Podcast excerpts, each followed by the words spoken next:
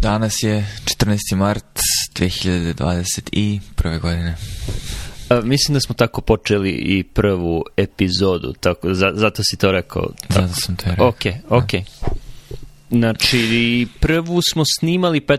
marta i izbacio sam je uh, istog dana. Ova će izaći 15. marta, ali je snimamo dan pre, jer uh, ipak sada radimo, tako da ne možemo Eh, ja je izlazi u pet ujutru po našem vremenu, tako da bi bilo malo previše da, da snijem u tri ujutru da, da ovo izađe istog dana. Uh, da, prošlo je godinu dana, zanimljiva godina. Sebi čini da je prošla godina. Kad je preprošla? I da i ne, jako je čudno. Znači, u određenim aspektima kada razmišljam o nekim stvarima, ne mogu da verujem koliko je brzo prošlo, a u određenim aspektima kada razmišljam ne mogu da verujem koliko se stvari izdešavalo. Tako dakle, da imam vrlo ambivalentan osjećaj po pitanju protoka vremena u zadnjih godina dana. Da. Ja, u svakom slučaju se osjećam starije, osjećam se više nego jednu godinu starije. To definitivno. To je jedan od, jedna od stvari koja mi govori da se dosta stvari izdešavalo. Da ali dobro, druga stvar koja ti to govori je što si izašao u četvrtu deceniju života, tako da, da o, i Hvala, biološki da, osjećaj. to je druga stvar koja mi govori, da. Doduše nisam trčao ove distance možda ikada u ovoj frekvenciji. Pa, na, nadkompenzacija. Nad, nadkompenzacija. Da, da, ok. Um, I šta smo naučili za ovih godinu dana? O sebi, o drugima? Da... Uh, Naučio sam da treba da verujem, ja, za sebe, da treba da verujem svojoj intuiciji, a, da dolazak sa Balkana ili iz druge kulture, pogotovo nestabilne kulture, a ulazak u relativno prosperitetniju zemlju ti da informaciju o svetu koje možda stanovnici te zemlje nemaju i da je to korisno, da to nije beskorisno. Jer ono često imaš pravilo, a da sam rođen negde drugde, kako bi stvari izgledale, nego da sam rođen ovde, ovdje, itd., itd. Mislim da život u Srbiji i na Balkanu, pogotovo 90-ih je, iako traumatičan za mnoge generacije ljudi, nas dosta tome naučio, čak i ako smo bili deca. Jednostavno, naučiš kako se ljudi ponašaju i spremaju. A, s jedne strane, me je čitava znači, ova godina učila da budem optimističan s jedne strane po pitanju ljudske vrste i ljudske inovacije i ljudske sposobnosti za organizaciju u vrlo uskim segmentima, a sa druge strane sam postao pesimističniji po pitanju ljudske vrste, ljudske organizacije, ljudske sposobnosti za organizaciju. Da. Um, I da mislim da nije iracionalno imati bug out bag i plan za izlazak za ne daj Bože. Eto, to, to su prve stvari koje mi padaju na pamet. Da. Meni je, e, men, meni što prvo pada na pamet je e, koliko je bitno da primenjuješ u životu ono što čitaš u knjigama. Mislim, ono što je tebi bila intuicija, meni je bila direktna primjena onoga što sam čitao, što je Taleb pisao u Inchertu, Insertu, kako, kako već zove. Uh, to i pri tome ne mislim na, na Crnog Labuda, mislim na ona pisanja o ekstremistanu i mediokristanu i, i to da nas fakultet generalno uči o normalnoj distribuciji, o razmišljanjima prosečnih događaja, o posmatranju istorije, a ne uči nas toliko o eksponencijalnim procesima i o stvarima za koje uh, E, se ne možeš osvrnuti na prošlost da bi znao kako će, ka, kako će se dešavati. E, ta, tako da mi je to kada prvo vidiš one one vesti iz januara i februara iz e, Kine e, i ubaciš te vesti u mentalni model eksponencijalnih događaja, vrlo lako e, promeniš ponašanje i brzo promeniš ponašanje i vrlo lako možeš ne da predvidiš šta će se desiti, ali možeš da zamisliš najgoru moguću situaciju. E, dok ogroman broj ljudi, ljudi koje znamo i što je mnogo gore, e, političara, državnika, vođe zemalja nisu bili u stanju to da urade ili ako su lično znali nisu imali mehanizme da da reaguju na vreme, tako da smo došli tu gde smo došli. Ali on, on potvrdilo mi je da, da je Taleb jedan od najvećih uh, mislilaca, mislilaca našeg vremena koji je ja mislim većina ljudi koji su napred znali ili koji su mogli da predvide šta će se desiti većina ljudi je to radila uh, poznajući ono što je, što je on pisao. Druga stvar,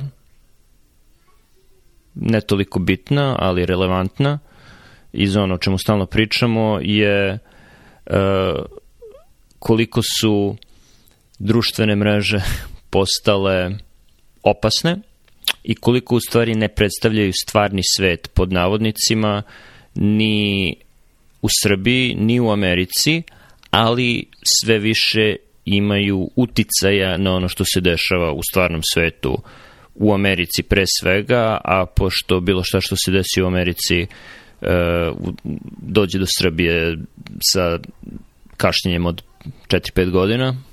Uh, uskoro, pretpostavljam da će uskoro to početi da se dešava i u Srbiji. Da se amplifikuju ekstremni glasovi, um, nenamerno, ali po prirodi stvari, zbog načina na koji te društvene mreže funkcionišu i da onda ljudi u pod navodnicima stvarnom svetu van društvenih mreža moraju da reaguju na te ekstremne glasove ekstremne glasove sa obe strane ili sa svih 3, 4, 5 strana kao i da funkcioniše kao mehanizam za, za smanjenje e, i potiskivanje suprotnih mišljenja. Uh, mišljenja suprotnih ekstremima. Tako da, da je Twitter, pretpostavljam Facebook, nisam na Facebooku, mnogo su polarizovani od o, mišljenja koje vidiš na Twitteru i na Facebooku su mnogo polarizovanija od pod jedan mišljenja koje pretpostavljam ljudi imaju u svojim glavama i pod dva prosječnih mišljenja u, u svakoj od zemalja. Tako da je to druga stvar o ostalima ćemo kasnije. Da, i samo mali komentar da kada su društvene mreže novi sloj stvarnosti, ali s obzirom da su, uključuju ljude u sebe i reakciju ljudi na interakcije na tim mrežama kroz promenu u ponašanju, samim tim imaju vrlo stvarne posledice na sve to oko nas, uključujući ljude koji jurišaju na zgradu kongresa da bi otkrili zaveru i tako dalje, tako dalje. No. Da. Treća stvar, ima, imam tri stvari, ali treća stvar će direktno ići na, na ono čemu smo hteli da pričamo na početku, je koliko, koliko je čudan e, pod navodnicima međunarodni poredak i koliko je čudna čudan položaj međunarodnih institucija prema ostalim državama i prema građanima. E, Tu pre svega mislim na katastrofalne greške koje je pravila Svetska zdravstvena organizacija na početku pandemije i na pogrešne informacije koje je širila i to me teralo da razmišljam na druge međunarodne organizacije i na to kako kada su one prvo, jer one u stvari niko ne bira te ljude da dođu tamo, znači ne postoji direktno direktan izbor, postoji preko on, 50 posrednika da neko dođe na te pozicije. Uh, i oni onda ne odgovaraju ni, nijednoj pojedinačnoj osobi, ni jednom biraču. I mislim da kad su te organizacije prvi put pravljene, a sve to bilo neposredno nakon drugog svetskog rata i u sledećih 10-20 godina, ljudi koji su bili na čelu tih organizacija su toga bili jako svesni, tako da su tu postavljani čini mi se, ljudi od kredibiliteta, e, sa naučnim znanjem, etični, imali su čvrsti moral i znali su da je taj njihov položaj jako fragilan. Jer, jer generalno imaju ima, sluša ih puno ljudi, iako direktno ne odgovaraju nikome i nemaju u stvari nikakve zakonske obaveze prema, prema drugima. Jer ako SZO da pogrešnu informaciju zbog koje umre stotine hiljada ljudi, niko u SZO neće odgovarati. Zakonski. E, I mislim da su svaka sledeća generacija ljudi koji je došla u te organizacije uh, je verovatno sve manje svesna uh, toga i fragilnosti položaja i, i sve manje ima osjećaj da opravda svoj položaj tu, tako da smo došli u situaciju gde otvoreno čelnici SZO uh, ne odgovaraju građanima, odgovaraju moćnim državama i ulaze u uh, konfliktne položaje, moraju da kompromituju svoju etiku, moral, da zaborave nauku, da bi, da bi se podredili velikim i moćnim državama. Tu pre svega mislim na Kinu, tu pre svega mislim na, još na samom početku nekoliko puta je, na primjer, jedna novinarka, čini mi se iz Tajvana, govorila sa nekim britanskim lekarom koji je kao predsednik Svetske zdravstvene organizacije pričao o COVID-u i nekoliko puta kada ga je ona pitala direktna pitanja o tome mm, šta Kina radi, koliko je Kina delila informacija, šta su znali i kada su to znali, on se bukvalno pravio da ne čuje, pravio se da nema veze i onda je prekinuo vezu. Postoji snimak toga i to je bilo strašno. Kad je, kad je to izašlo. Da.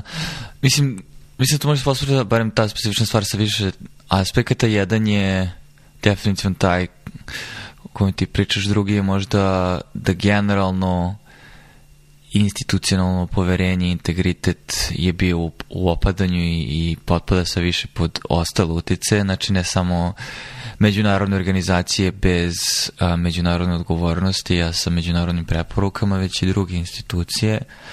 I mislim, o tome su diskutili više puta na podcastu, ali samo da se vratim možda jedan od isto velikih utisaka za mene, a dovezuje se na ovo, jeste to da je jako zanimljivo uh, jako zanimljiva hipoteza da je cijela ova pandemija jedan veliki inkubator i katalizator za trendove koji su već bili a, započinjali ili uzimali maha i samo ih je ubrzao pet godina u budućnosti. Neverovatno je koliko stvari možeš da posmatraš kroz tu prizmu, uključujući i institucionalnu destabilizaciju, e, dekredibilitaciju. Mislim da ta reč ne postoji, ali znam šta hoću da kažem. Gubljenje kredibiliteta, a, sve neke akcije. A, I generalno rastući cinizam a, e, ljudi koji su delovi tih institucija, jer te vrednosti su sad površne i tu samo zato što imaju neku drugu društvenu vrednost ili uh, cinizmu od strane ljudi koji nisu delovi tih institucija, znajući da te institucije, članovi tih institucija ne, ne, ono, ne, ne postupaju not necessarily. ne u svakoj situaciji postupaju u skladu sa vrednostima te institucije, ja tako da kažem. Da.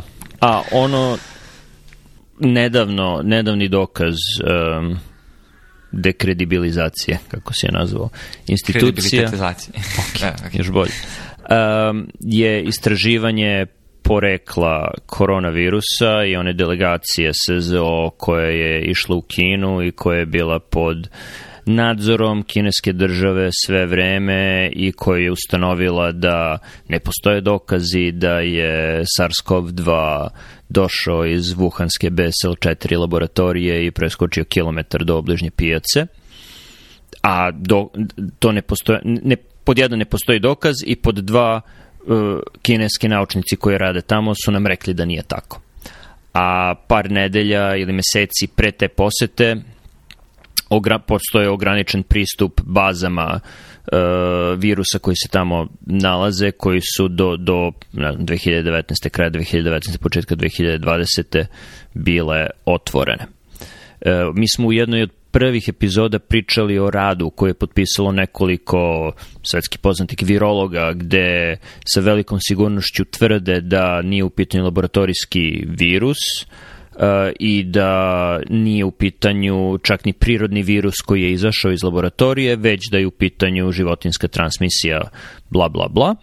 Eh, kasnije se saznalo, i to pre samo par meseci sam ja saznao, vjerojatno su ljudi znali ranije, da je nekoliko tih eminentnih virologa primalo novac od kineske države i radilo sa kineskim institutima i nakon ove posete Svetske zdravstvene, Svetske zdravstvene organizacije e, na stotine drugih naučnika, imunologa, virologa je stavilo potpis na dokument u kome se kaže da možda jeste, možda nije izašao iz laboratorije, ali se ne zna i ne može se znati dok se ne stekne potpun uvid u ono što se dešavalo u Wuhanskoj laboratoriji. Uh, dok se stvarno ne pogledaju te baze gde oni evidentiraju viruse koje su našli i njihove sekvence i da one tvrdnje iznešene u tom radu i citirali su taj rad ne stoje e, jer jednostavno nema dovoljno podataka tako da sam trenutno bio sam ono kad smo kad smo prvo pričali bio sam prilično siguran da je uh, u pitanju e, prirodni tok, slepi miš preko da li pangolina, da li neke druge životinje pa do ljudi. E, I ono, bilo je 90-10 ili 95-5% za prirodni e, u odnosu na, na laboratoriju. Sada naročito zbog ovog prikrivanja i neotvorenosti mi je 50-50. Znači, mislim da je jednako verovatno da je u pitanju uh, prirodni put, koliko to da je virus izašao iz laboratorije. Najverovatnije, nenamerno, mislim to, to je ono 99% šanse nenamerno, niko ovo ne bi namerno uradio, niti dizajnirano, nego jednostavno desilo se verovatno laboratorijska greška. Tako da tako da je to jedna od stvari koje sam naučio. To je četvrta stvar za ovih godinu dana a ono što bi Kina trebalo da nauči je da prikrivanjem samo pogoršavate stvari. Da, mislim, teško je. Mislim, kad smo čitali taj članak, mislim, složit ćeš se, a, pitao je bio preklinički članak koji se služio u mnogim aspektima metodologijom sa kojim mi nismo upoznati. Onda je jako zanimljivo, mislim, bare meni, šta znači kritička evolucija literature, jer i sam imaš neki osjećaj da si sposoban, ali opet um, moraš zaista da budeš ekspert u materiji da bi mogu sa velikom sigurnošću da to rešiš. Mislim, nekako samo ta čitava situacija potreba poverenje svega a, i onda šta nam preostaje. Um, ali bar ne se nadam da u kliničkim studijama a, životi pacijenata i rezultati koji su izašli nisu štelovani, namontirani i da i barem iz kliničke prakse u, u kontekstu korišćenja nekih stvari, terapije i vakcina imam očiglednih dokaza da, da je tu nauka bila dobra. da. Ako nešto imam poverenja, imam poverenje u Recovery Studio iz Velike Britanije, koja je jako brzo organizovana i koja se, od, odmah se videlo da rade pravu stvar, randomiziraju pacijente, mogu to da rade jer imaju jedinstveni zdravstveni sistem, tako da mogu brzo da prošire protokole i da dele informacije o pacijentima i iz te jedne studije uh, dobro, u kombinaciji sa tim da je Britanija bila očajna u početnoj kontroli virusa, tako da su imali puno pacijenata, so, smo saznali za bar tri, koliko ja znam, uh, delotvorne terapije za SARS-CoV-2, od kojih je jedna smešno jeftina, uh, i nije hidroksihlorokvin, nego ni ivermektin, već deksametazon. Znači, saznali smo o deksametazonu iz recovery studije, saznali smo uh, o tocilizumabu iz recovery studije i saznali smo za remdesivir kod teško obolelih i iz recovery studije i iz NH, NHLBI studije. Tako da, mislim, sva, sva tri leka su kod teško obolelih i iz recovery studije takođe smo saznali za gomilu stvari koje ne funkcionišu u ranoj fazi bolesti da se spreči pogoršanje, uključujući deksametazon, remdesivir i tocilizumab, znači nijedno od ta tri nisu lekovi koje, koje bi se davali rano, ali ni hidroksihlorokvin za koji definitivno ne postoji uloga u terapiji e, SARS-CoV-2, odnosno covid i sada ivermektin koji je iz nekog razloga zamenio hidroksiklorokvin među e, Facebook i Twitter lekarima lekarima pod navodnicima kao magični lek koji praktično čini da ne postoji covid što je apsolutno netočno Ivermectin je antihilmintik, odnosno lek protiv parazita, crva, pantličara, šuge, e, koji ima jako malo apsorpcije sistemske i ne postoji ni, ni biološki, ni bilo koji drugi razlog da se uopšte misli da bi delovao. Ne, ne, bilo je bioloških razloga antiviralnog efekta slično hidrostihlorokvinu na nivou ćelija, ali baš je poenta ta da koncentracija ivermektina koju bi trebalo da dostigneš u krvi daleko preozilazi a, dozu koja se inače administrira za a, paraza, parazitske infekcije, onda ulaziš u situaciju gde, ok, treba da uradiš studiju, ali pitanje je da će, koliko će to toksično biti s obzirom na dozu leka koju treba da administriraš, tako da... Um, ali da, slažem se, mislim da jako jednostavno, znaš, a, to jest, proste stvari nisu uvek lake za izvođenje, što je čudno, ali da, za, zašto nemamo mnogo više studija nego recovery studija koji su mogli da randomiziraju pacijente, pogotovo u tim inicijalnim naletima, gde bismo dobili odgovore na pitanja poput antikoagulacije, pronovanja u krevetu, različitih mehanizama ventilacije, znači mnogo vremena i mnogo, mnogo ovaj, života na neki način je moralo da bude izgubljeno pre nego što smo saznali neke stvari i dobili odgovore na pitanja koje nisu toliko kompleksna. Pitanje je da li radi ili ne radi za ovu populaciju da. pacijenata. Da. Mislim, mogu ti reći zašto u Americi nema velikih takvih randomiziranih studija. Da, zato što nema mnogo, zato što finansijski postice su da. različito da. Zato što je, pa prvo, prvo, e, sistem je razjedinjen, tako da ima jako malo zdravstvenih sistema koji mogu brzo da primene takve, jer ima gomila bilo, birokratije da bi se uradila multicentrična studija između nepovezanih institucija, za razliku od Velike Britanije, odnosno Ujedinjenog kraljevstva koji imaju NHS. I to čini prvo te pokušaje sporim i po dva skupim, tako da bi samo farmaceutska kuća to radila, a farmaceutska kuća neće da sponzoriše nešto gde se upoređuje njihov lek sa, sa nekim drugim koji će možda ispasti i bolji i sigurno neće da sponzoriše, mislim, dexametazon i drugi generičke lekove. Tako da, i ako imaš više farmaceutskih kuća koja svaka radi svoju randomiziranu studiju, onda postoji, ubacuješ gomilu uh, kako smo rekli da se na srpskom kaže confounder confoundera da ubaciš gomilu confoundera uh, tako da nije moguće direktno poređenje za razliku recovery studije gde, gde jeste da i drugi aspekt je toga što dosta toga su samo načini nege koji nisu far, o, farmakološki često. Znači, odnose se na nešto što se radi u bolnici ili što se radi sa instrumentima, um, a za to za, veći, za te, ve, ve, da težinu tog dokaza potrebno je dosta pacijenata i da, potreban je nivo organizacije i drugo, NHS ima u interesu da uradi tako nešto, jer ako možeš da izvučeš pacijente ranije iz bolnice samo nekom jednostavnom intervencijom, znači štediš krevete, pare idu iz budžeta, dok bolnice, mislim, po Americi su, kao što si rekao, razjedinjeni i samim tim a, nije to u sklopu njihovih interesa. Da. Mislim da, da. Druga stvar je što su farmaceutske kuće ovde ipak finansirale neke studije koje su bile ok, mislim tako smo saznali ovde za remdesivir, za ozbiljno obolele i ova antitela, kombinaciju antitela uh, Regeneron, Re Regeneron. No. Da. no koja takođe pomaže, ali ono što je meni bilo zanimljivo je da postoji jedna situacija gde je recovery studija dala negativan rezultat, odnosno da ne pomaže, ali su ne toliko jaki dokazi odavde pokazali da ipak može pomoći a to je e, plazma, odnosno u recovery studiji su plazmu davali, nisu diskriminisali uh, i ovim rano obolelima i, i teško, i blaže i teže obolelima i nije bilo razlike sa i bez plazme, e, dok, je, dok su studije doduše nerandomizirane kod hematoloških bolesnika pokazale da oni bolesnici sa hematološkim malignitetima e, kojima zbog terapije uglavnom eh, antitela nisu visoka, znači ne, ne proizvode antitela i onako im je oslabljen imunitet pod navodnicima. Dakle, kod njih jako bitno može biti jako bitno dati plazmu i da plazmu treba dati rano.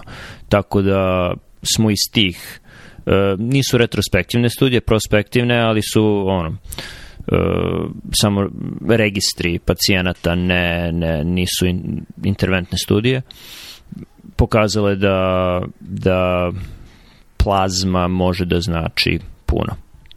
Da, mislim, da ne moram previše da ostavimo to pojente, ali da je smrtnost i inicijalno, a i dalje kod uh, pacijenta sa malignitetima, uključujući i transplant pacijente visoka i da je to drugačija terapeutska paradigma potrebna, mislim da je to jedna isto od lekcija um, prošle godine.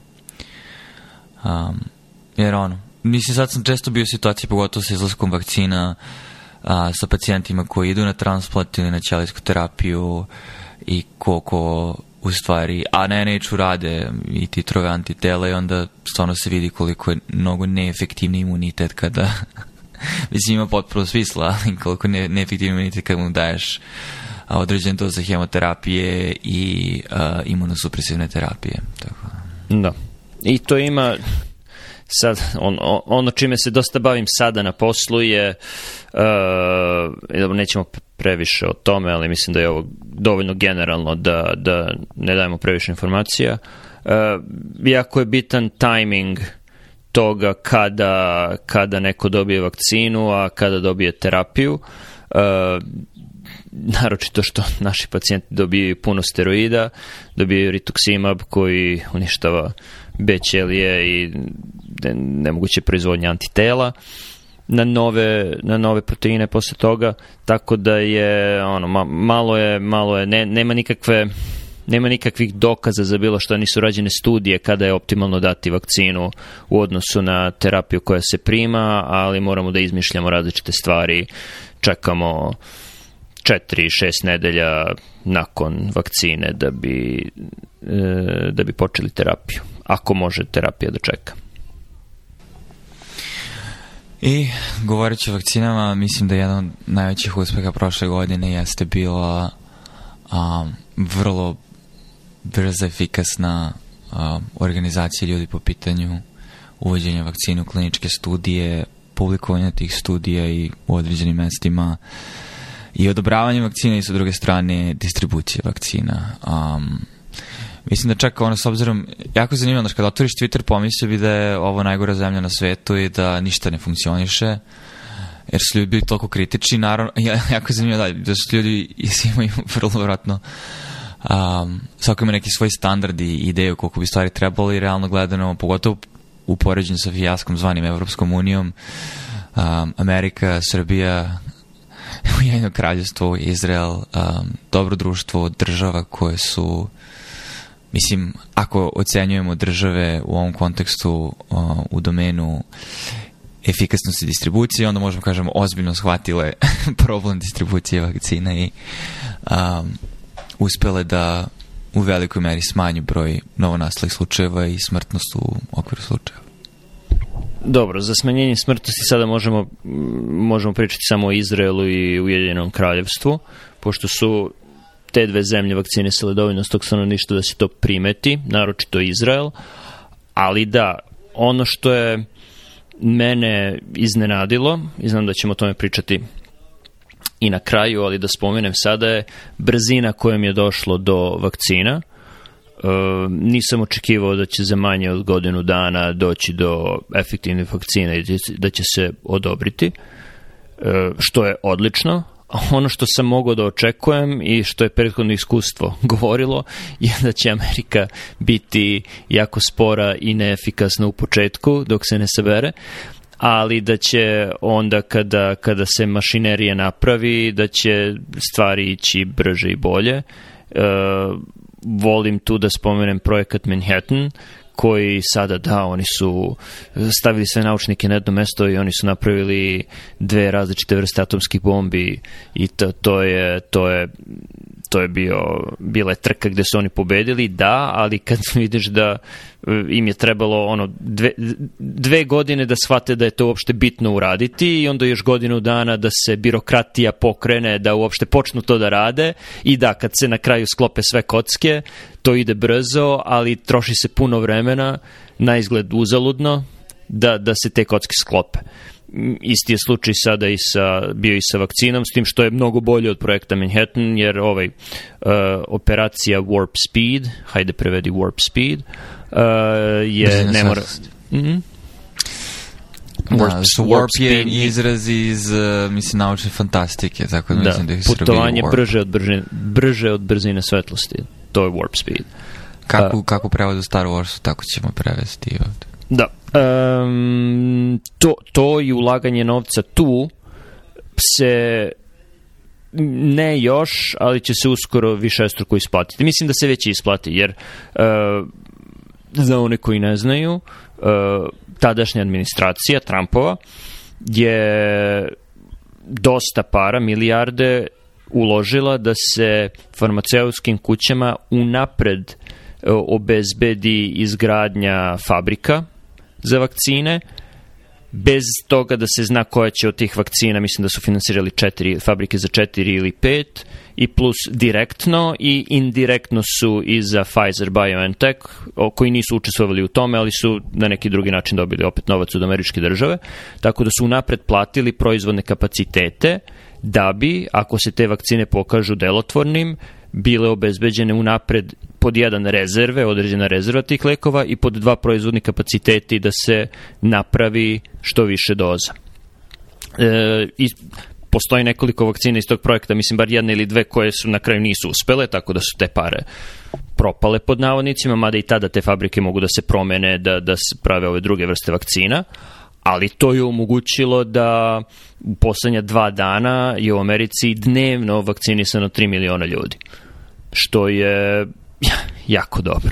Znači, ako se nastavi tim tempom, moći će da se vakciniše apsolutno svako sledeća dva meseca. E, sad neće svako želeti da bude vakcinisan, pod jedan, i pod dva, ono što ova operacija obezbedila je zalihu vakcina, uskoro zaliha neće biti problem, distribucija će biti problem i tu opet u početku, a čini mi se i sada Amerika nije efikasna, uh, E, ali će u jednom trenutku postati efikasnija, čini mi se, jer već, mislim, ne možeš da vakcinišeš 3 miliona ljudi dnevno, a da ne postoji bar neka efikasnost u toj distribuciji. Da, samo bih bio oprezan pri interpretaciji svega ovoga, ono, da ne bude fooled by randomness.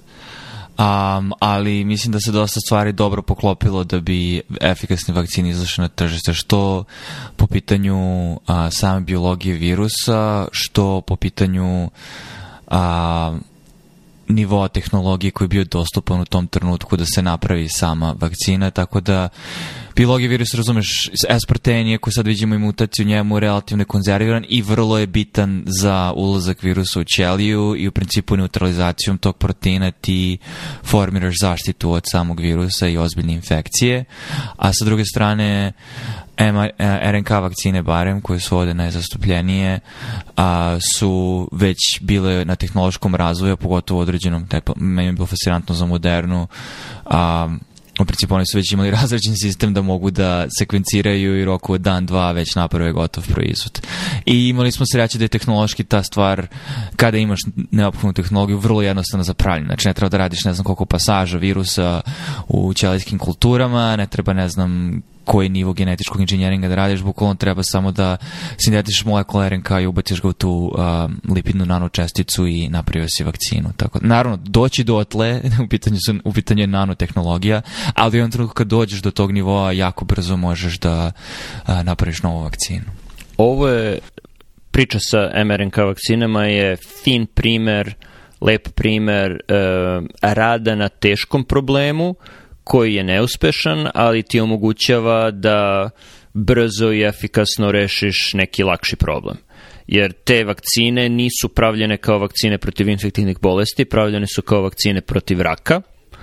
Do sada postoji samo jedna odobrena vakcina protiv raka, prostavak, koja je, mislim, ako pričamo o toj studiji, nije dobra studija, mislim da ta vakcina u stvari ne funkcioniše, ali dobro, to je druga stvar. Uh, ali to je zato što imunni sistem nije dovoljna stvar za, za borbu protiv većina karcinoma, jeste bitna, ali ne i jedina bitna stvar. Uh, ali ako napraviš platformu gde možeš, ideja je bila da se sekvencira tumor i onda napraviš uh, sekvencu za neki neoantigen tumora i to staviš u vakcinu i ono za svakog pacijenta to je druga stvar, tako da mora proizvodni proces da ti bude tako da moraš brzo da sekvenciraš i brzo da napraviš i oni su radili na tome i onda kada ti dođe neka infektivna bolest, to je kec na 10, ne znam baš šta znači ta, ta, taj izraz, ali mislim da A, da, služi iz u ovom primjeru. To je iz blackjack, znači imaš 10 da, koji kec na 10, kec 21. 21. Hvala, no. Da. danas sam nešto naučio.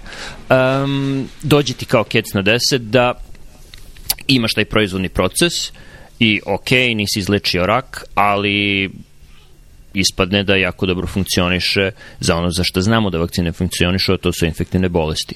Druga stvar koju nisam znao na početku je ono, pričali smo za sada ne postoji nijedna vakcina protiv koronavirusa, to u stvari nije bilo tačno, jer je postojala, tako da ne znamo da li, one mo, da li uopšte može da se napravi vakcina protiv koronavirusa.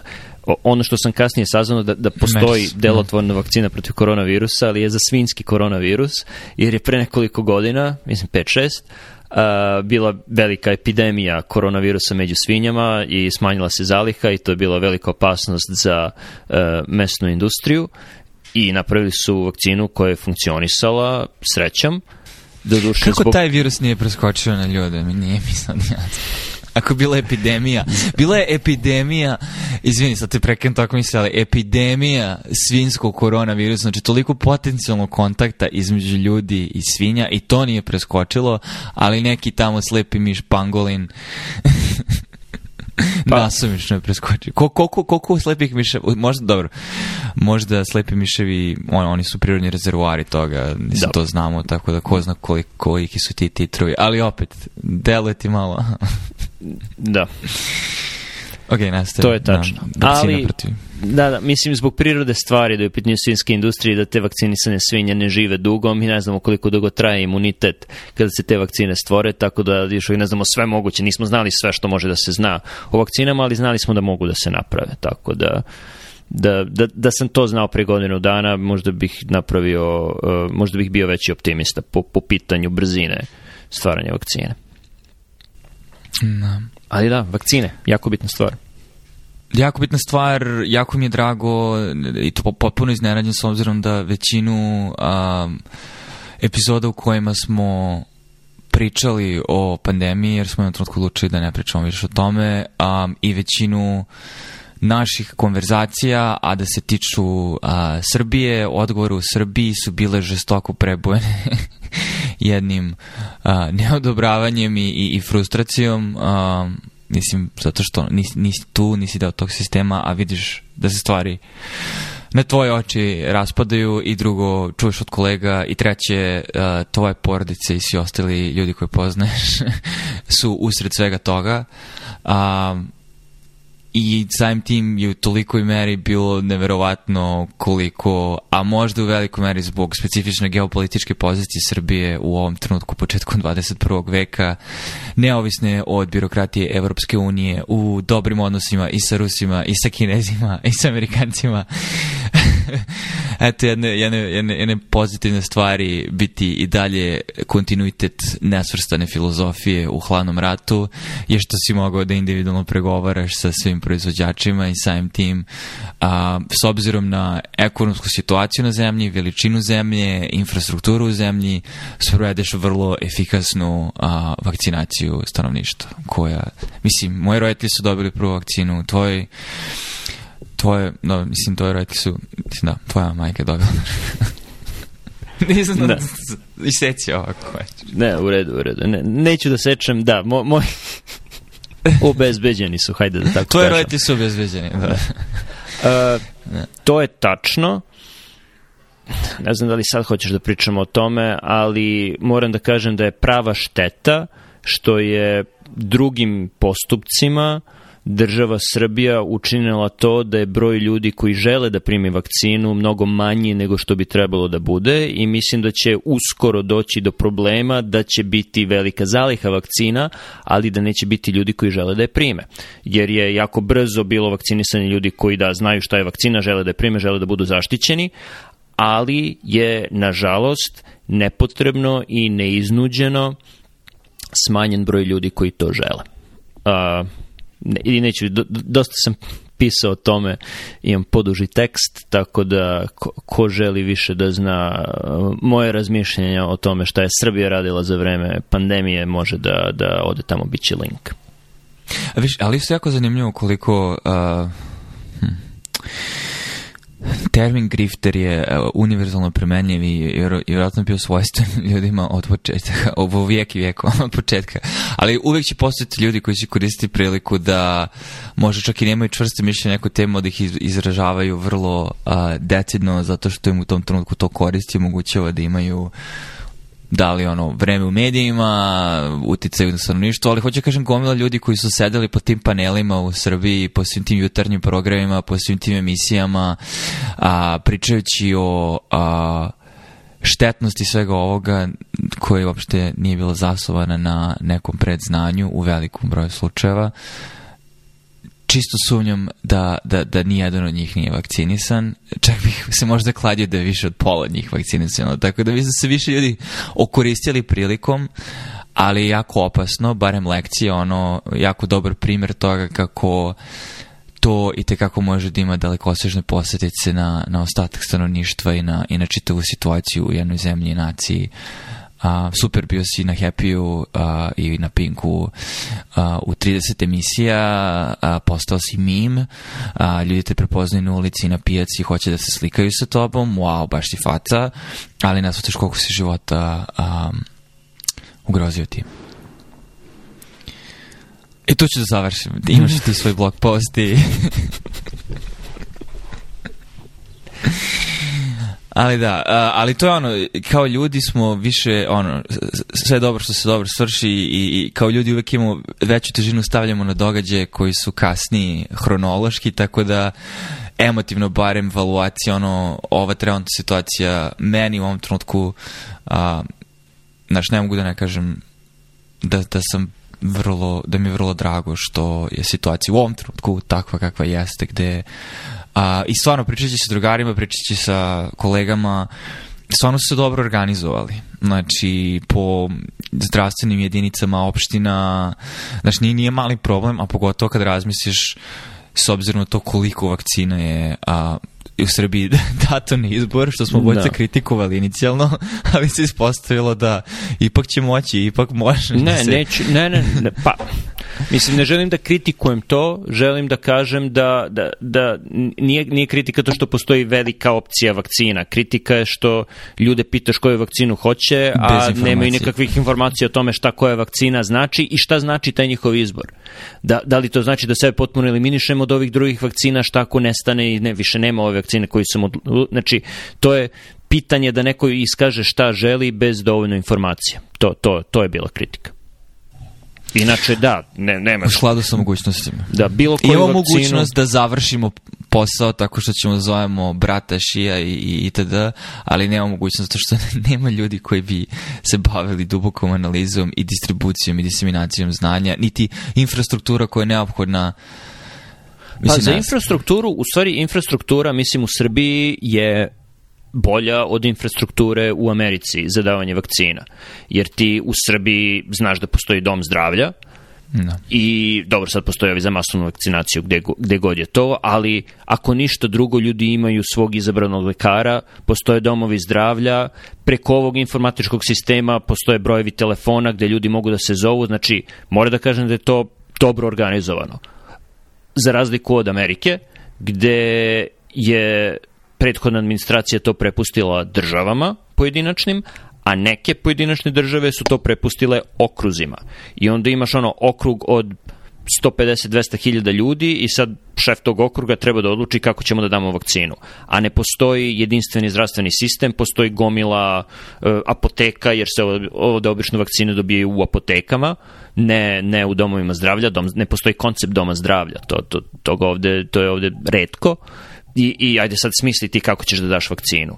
I u stvari su najbolje prošle, ne znam, zapadna Virginia je bila jako dobra u vakcinama, jer su oni dali malim privatnim apotekama da daju, a te male apoteke su znale ko su im stalne mušterije i koliko godina imaju i krenuli su da ih zovu i da dele vakcine. I to je zato tako brzo išlo. A neke države su dale velikim lanc, lancima apoteka, na primjer CVS-u, da vakciniše čak i one države gde ono imaš tri CVS-a u gradu od milion ljudi. I, I to je bio jedina opcija za deljenje vakcina. Tako da, naravno, neke države su bolje prošle od drugih. I dobro, mislim, logistika da daš vakcinu tamo gde 150-200 miliona ljudi treba da se vakciniše i tamo gde 3-4 miliona ljudi treba da se vakciniše, različite su situacije, mislim, to je, ne, da, ne jako, može jako direktno da teško, da se poredi. Jako, jako je teško porediti bez da samom činom poređenja praviš grešku na neki način, jer um, da. babi žabe.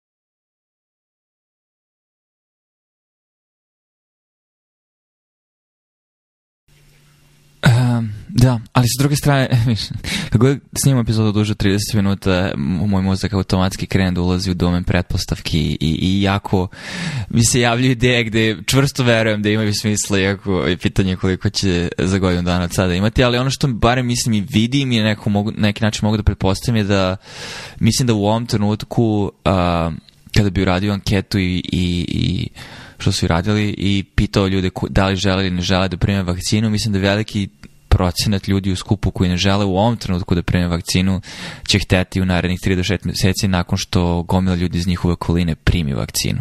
Mislim, to barem vidim ono, u mikrosredini a, porodica koje a, znam um, u, u, iz mog rodnog grada. Tako da a, uh, većina ljudi želi samo da vidi da je dovoljan broj prijatelja i komšija primilo vakcinu, da se ništa nije desilo i onda će njemu u tom trenutku kalkulacija u glavi da bude ok, pa možda ovaj nije toliko loše i, i primiti. Mislim, barem je to možda neki moj optimistični pogled.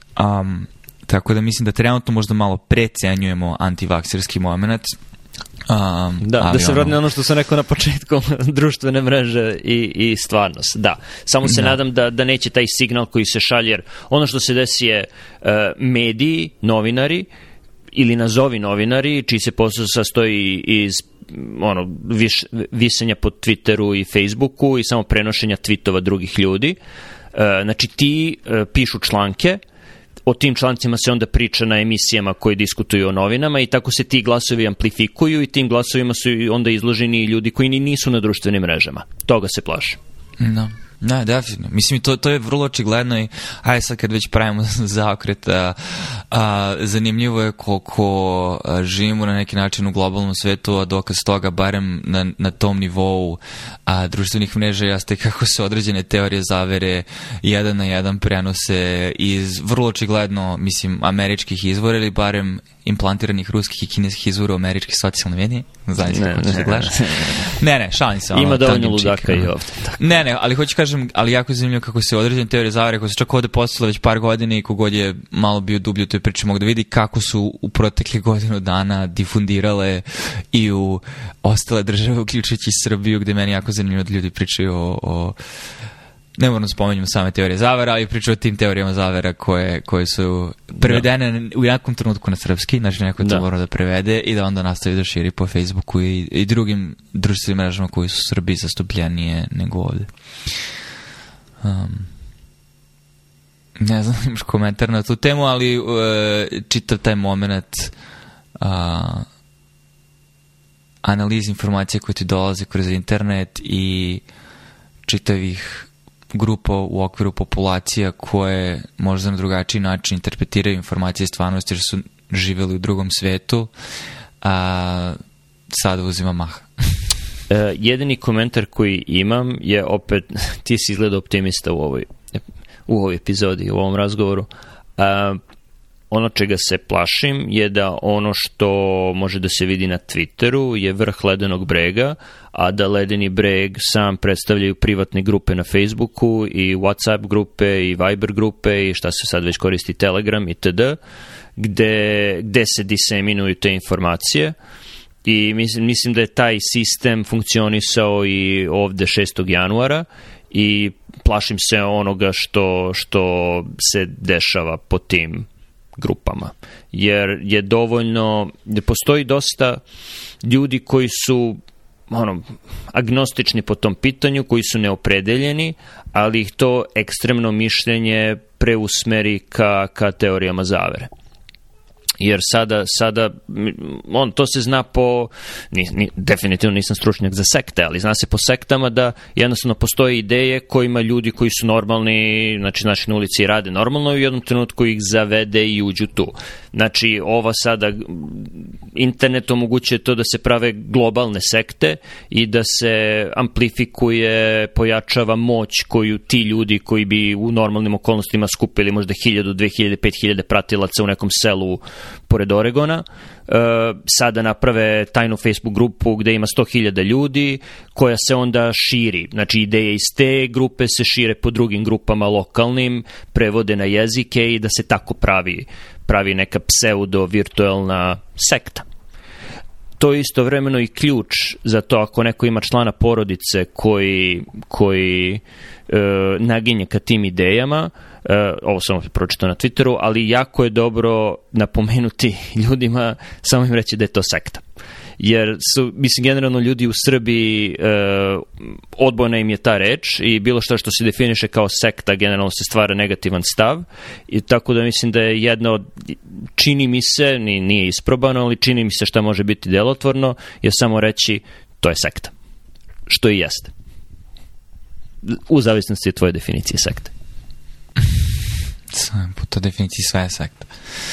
Šalim se, ne, ok, razumem, znači treba, treba se služiti alatima koji su ti dostupni. Mislim da bi a, neutralizovo i, i na neki način imenovo novo nastale pretnje za koje u određenim društvima ne postoji vokabular zato što se po prvi put susrećemo sa takvim načinom ideja, pogotovo i ne mislim mi svi generalno, mislim da mladi ljudi generalno koji su na internetu odrasli, čak i u Srbiji, znaš, mi smo imali DSL konekciju, su tekako svesni toga, ali mislim da je ono problem dolazaka ljudi na internet koji nisu deo te generacije, nego su deo nekih starijih generacija, koji nemaju isti a, mehanizam i pristup a, in, analizi informacije koje dolaze s interneta, tako da je mnogo veći a, moment uzimanja stvari a, zdravo za gotovo, a, to je bez preternog preispitivanja a, izvora i kvaliteta informacija. Da, ne više. Nemoj da si naivan. Nemoj da si naivan.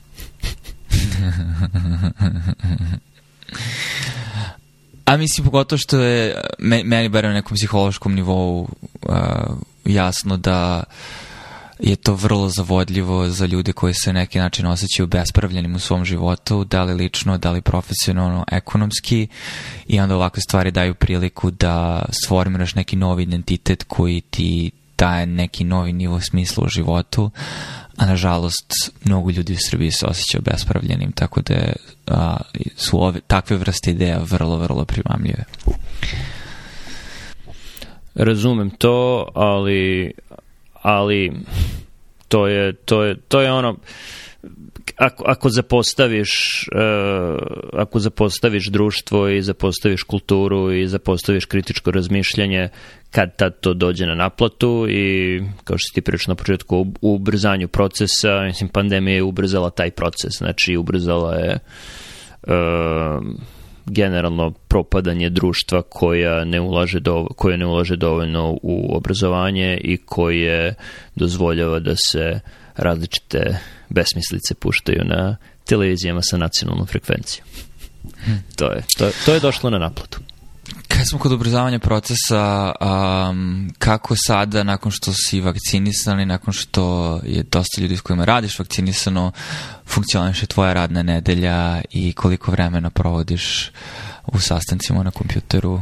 Iskreno, E, bili smo obojica na jednom velikom sastanku, to je, čini se, da je bilo na Floridi, da, 2019. u decembru, gde sam pričao kako je ovo sve potpuno nepotrebno, zašto bismo s avionom sad svi došli ovde i uh, diskutovali o hematologiji nedelju dana, kada sve to može da se radi online, postoji struktura i ne mora da bude jednom godišnje, može mnogo češće i zašto se većina ovih stvari ne prebaci online I da, taj proces je bio ubrzan. Glavni problem tu je bilo što ljudi nisu bili upoznati sa mogućnostima e, virtualnih konferencija i video poziva. Sada su i tekako upoznati sa mogućnostima.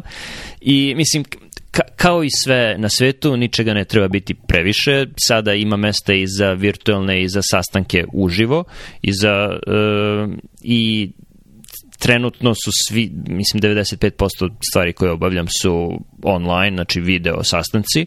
To je s jedne strane jako dobro jer ne moraš da napustiš kancelariju, nema uglavnom ljudi ne kasne jer samo kliknu, mogu da budu na dva sastanka u isto vreme, naročito ako je jedan od tih sastanaka neki gde samo treba formalno da, da prisustuješ, ne, ne doprinosiš nešto naročito. Uh, Pa sad da ne pričamo o, o tome zašto, zašto si onda pozvao na, ta, na takav sastanak. A, ali da, mislim, to je bila dobra stvar. Loša stvar je što ljudi primećuju da ni to nije održivo, da samo to radiš non stop svaki dan i da to bude jedini e, način interakcije sa kolegama. Naročito što ako je sada toliko lakše napraviti sastanak jer ne moraš da rezervišeš sobu, ne moraš da E, ne, ne moraš da šetaš od svoje kancelarije možda do druge zgrade, ne moraš da putuješ, nego klik i na sastanku si. Uh, neki ljudi se žale, naročito oni koji nisu pre toga imali stav protiv sastanaka, ljudi se žale da imaju previše sastanaka i da stvari za koje su nekad mogu, mogu da bude obavljan jedan telefonski poziv ili se razmeni par poruka ili par mailova, sada je to Zoom ili Webex ili neki drugi, neki drugi sastanak. Tako da sam to čuo, to nije moj problem, jer sam, imam, imam stav da sastanaka treba biti što manje i da treba biti što kraći i smisleni, sa jasno postavljenim ciljevima i krajem koji podrazumeva e, pravljanje liste stvari koje se trebaju uraditi nakon sastanka. E, dosta sastanaka se ne završava tako, mislim da si ti prisustuo u svom trenutnom svojstvu mnogim takvim sastancima. Uh, ali ono iznenadio sam samog sebe time što ja sam taj sada koji više insistira da se vidimo uživo i da sednemo negde na kafu i da neke stvari koje bi sada ljudi voli da rade virtuelno iz različitih dobrih ili loš, loših razloga uh, i sada naginjem ka tome da bar ono, desetak, 15, 20% sastanaka imamo uživo.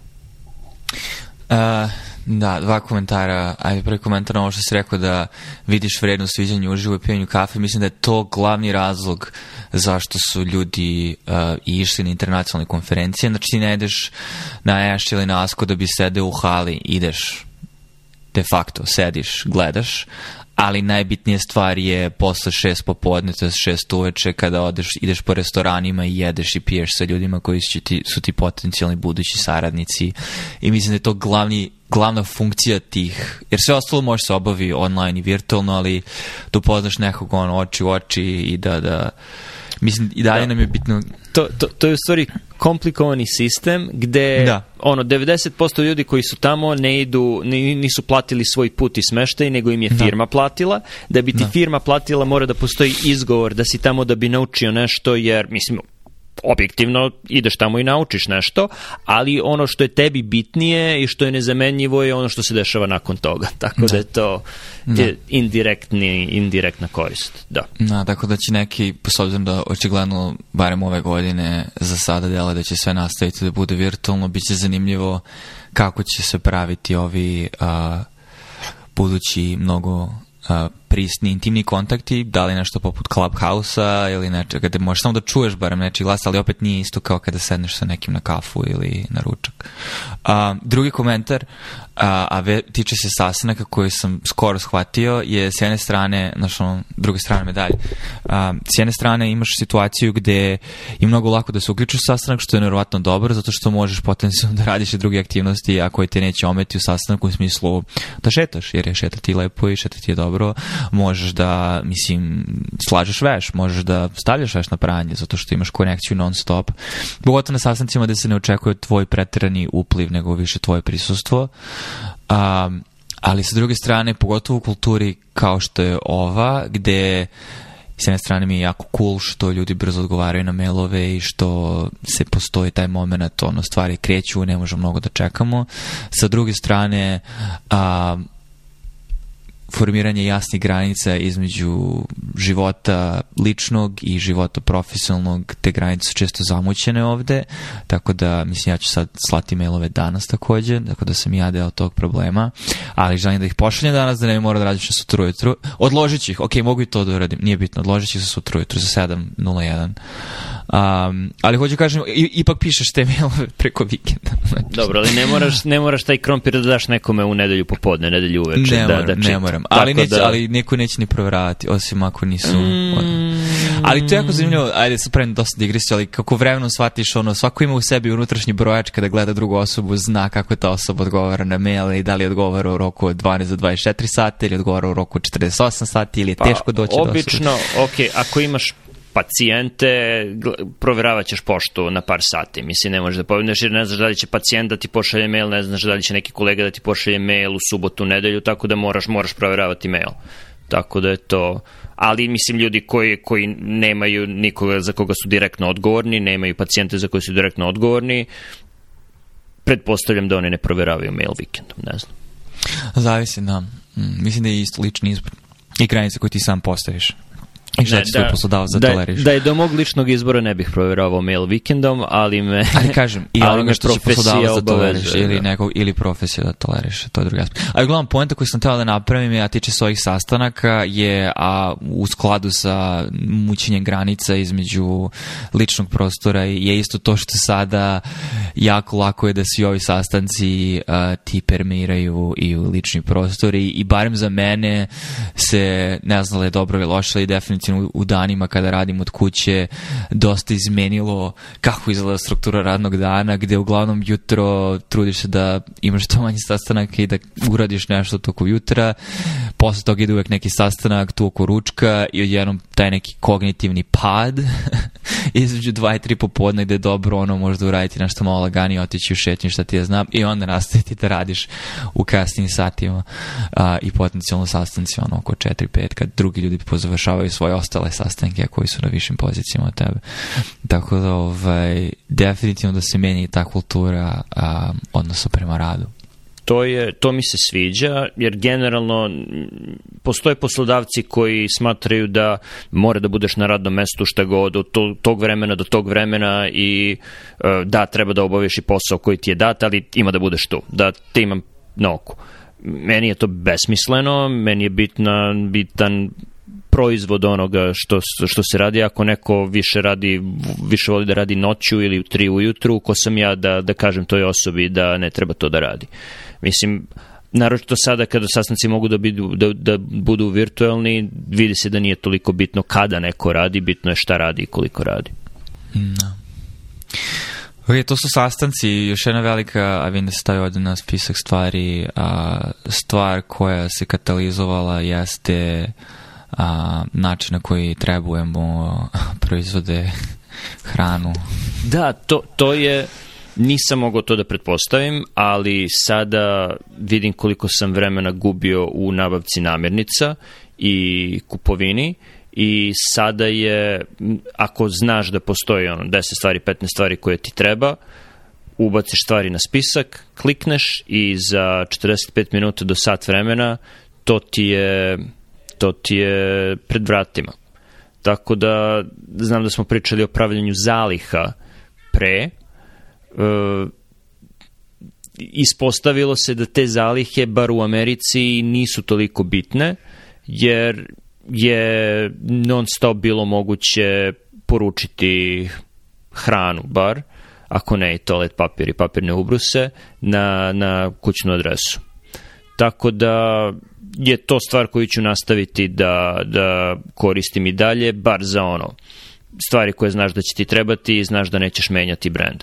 I dalje ima mesta odlasku u prodavnicu, naročito za ono, uh, vidiš nešto novo, mm, postoji isporuka alkohola, ali nisam još došao u taj stadijum alkoholizma.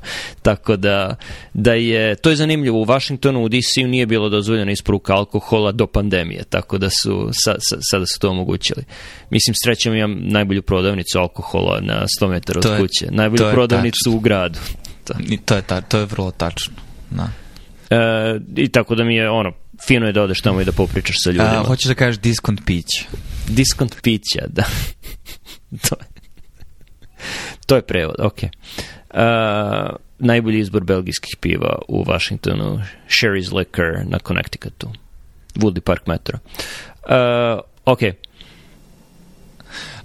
I samo da se, da se malo nadožem, samo to svesna sam da smo prešli sat vremena i, i već malo konverzacija su sporava, ali a, barem za mene, pošto znaš imaš taj moment, naručujem nešto online, jedan proizvod, dva proizvoda, a to neko pakuje, to neko šalje, distribucija, džubre koje formiraš itd. itd. Ali sa druge strane, sesti u auto, odvesti se negde, a, verovatno praviš mnogo veći a, ono, ugljen dioksidni footprint, zato što mislim da, ta osoba tebe donala možda dve, tri male stvari koje si ti naručio pre dva, tri dana, ali u isto vreme kasnije je taj poštar donio gomilu drugih paketa u, u zgradu, tako da u stvari neki način povećavaš efikasnost distribucije, pogotovo što sad ne voze 10 ljudi automobila da bi kupili našto u gradu, već se vozi jedan poštanski a, kombi kamion.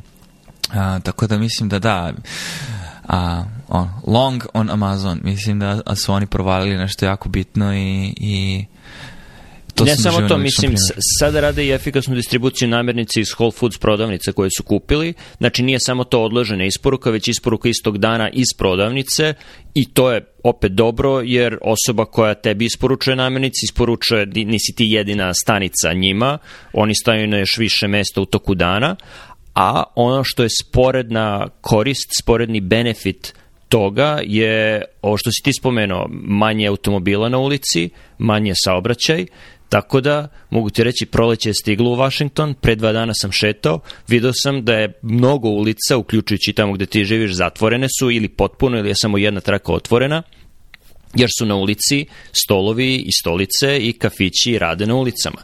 Nadam, da. se, nadam se da će uzeti pijuk, da će iskopati asfalt, koji je tamo i da će od toga napraviti prave bašte i ulice i pešačke zone, jer, da. jer mislim da će lju, građani će primetiti pod jedan, ne sedam toliko u auto, tako da mi ono nije, nije bitno, da, da ima toliko traka ova ulica i pod dva, lako je, jako je lepo sedeti na polju, piti kafu, jesti, posmatrati druge ljude, uživati u čistom vazduhu. Hmm da. koji će biti još čišći jer je manje saobraćaja. Pogotovo što ako stvarno, barem u gradovima gde je stanovništvo ili u zonama gde stanovništvo dobro privređuje i ima priliku da radi od kuće polovinu nedelje ili više, mislim da će to samo po sebi doprinuti smanjenju saobraćaja jer ljudi neće jednostavno ići kolima na posao nego će raditi od kuće. Ok, a ne bih da previše dužimo, jer s obzirom na, imam još par stvari, ili hoćeš da diskutuješ i u lancima snabdevanja?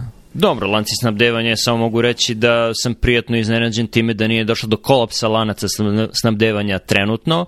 Postoće odloženi, odloženi, odložene posledice, jer ono što sam, mislim, nedavno u Financial Timesu bio članak o tome da autoindustrija ima veliki problem sa proizvodnjom i da moraju fabrike sada da zatvore, zato što su početkom ili sredinom prošle godine e, prekinuli ugovore za čipove, jer sada svi automobili imaju gomilu čipova, a industrija čipova radi na, na ovom na volumenu, tako da mo, moraju što više da proizvedu i sada su te njihove naručbine autoindustrije stale na, na dno spiska, a postoji mnogo drugih E, stvari uključujući e, mobilne telefone, mislim sve sada ima čip, sve te druge industrije su sada došle na vrh zato što Vakcine. su hobi.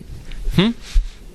Ne, ne, nemoj, nemoj tako da se šališ. Uh, e, sada su došli, su sada na vrhu, ovi su ih ispalili jednom i žele manje sa njima da sarađuju, a sve i da hoće, popunjeni su im kapaciteti drugim naručbinama, tako da, da zbog tog odloženog postoji sada, zbog toga postoji odloženo, odložen prekid u lancu snabdevanja. Mislim, vidjet ćemo koje će biti i dalje posledice toga i koje će još industrije biti zahvaćene. Mm. Ok. Mislim da smo se dosta dotakli ekonomije i priče ekonomiji u drugim epizodama, tako da mislim da ne moramo previše da... Ali eto, samo u domenu COVID-a da nažalost katalizovao je dalje raslojavanje društva i ljudi koji su imali sreću da mogu da rade od kuće i da nastave da privređuju i da imaju minimalan rizik po pitanju zaraze um, pripadaju određenoj grupi zanimanja, ljudi koji nisu pripadaju druge grupi zanimanja i nažalost država kao veliki izjednjačavač ili kako bi to već rekao a, je zakazala u većini u većini mesta u svetu. Da, dobro. U Americi i nije to... U, Amerika je postala socijalnija država gde jedan paket pomoći od, ne znam, skoro 2 triliona dolara, od kojih će dosta ići ono direktno u džep ljudi, najsiromašnijih, jer su bogati kao mi isključeni iz tog paketa pomoći, Uh, ima jedno, na, na, jedan, jedan od najpopularnijih zakona, ako ne ikada, onda bar u posljednjih desetak, dvadeset godina. I to na, na obe strane i bez obzira na, na političku pripadnost. Tako da su u Americi bar ljudi otvoreni ka državnoj intervenciji i otvoreni su prema socijalnim davanjima. Uh, I mislim da je ovo jedan veliki uh, plus Eh, kada praviš spisak eh, prednosti imana univerzalnog eh, dohotka, UBI-a, jer je ovo u stvari neka vrsta UBI-a, svako dobija ili svako mislim, bio bi UBI kada bi svako dobio 1400 dolara, ovako dobio oni sa primanjima manjim od, čini mi se, 100.000 ili 140.000 godišnje, bruto. E, tako da, da će, nadam se, ljudi postati otvorenije ka tome, jer je to jako dobra ideja, naravno, naročito ako će e, eliminisati ili pojednostaviti besmislen poreski sistem u Americi. Da, može bude totalno druga tema, zašto sad već različno nekoliko stvari koje se vrzmaju po glavi, a ne tiče se direktno pandemije, tako da, hajde da stavimo to na policu za sada. Ok, nema problema. Um, ok, i mislim, završni komentar, završna reč, s obzirom da već sat vremena i 11 minuta pričamo. Uf, to je brzo prošlo. Uh, završni komentar je da ljudi koji ovo slušaju treba da, a znaju engleski, treba da kupe sve knjige Nasima Taleba koje su izdate i da ih pročitaju od korice do korice a ako ne znaju engleski, e, postoji prevod na Prevede, srpski. Prevedene su? Prevedene su sve. Mm, da. Mi okay. priča se sigurno da sam skoro... Onda naučeno. nema da. izgovora. Da, Mada ne, ne znam ili koji Vulkan ili Delphi. Okay. Ne, ne znam koji je kvalitet prevoda, ali ovo ima direktne veze sa covidom. Čitajte Taleba. Čitajte Taleba. pra, praćenje na Twitteru je, je nije obavezno. Da, sad, sad, sad ću da ono, plagujem. A, znači, znam da sam skoro video... Um, ok, znači ima Prokrusova postelja na vulkanu. Ali mislim da što se, se ima, zašto vrlo je stilizovano, tako da čini mi se da ima ceo in, in, inčerto. Da, i ima na Delfi ima ceo inčerto. Znači antikrhkost, koža u igri, prokrustava postelja i crni lapot a Full by Randomness, ako je preveden. Mm, ne vidim sada od... Ali Delphi ima uh, četiri. Ok. Četiri od pet nije loš. Koja je tvoja završna reč? Završna reč? Um, sve je dobro što se dobro svrši.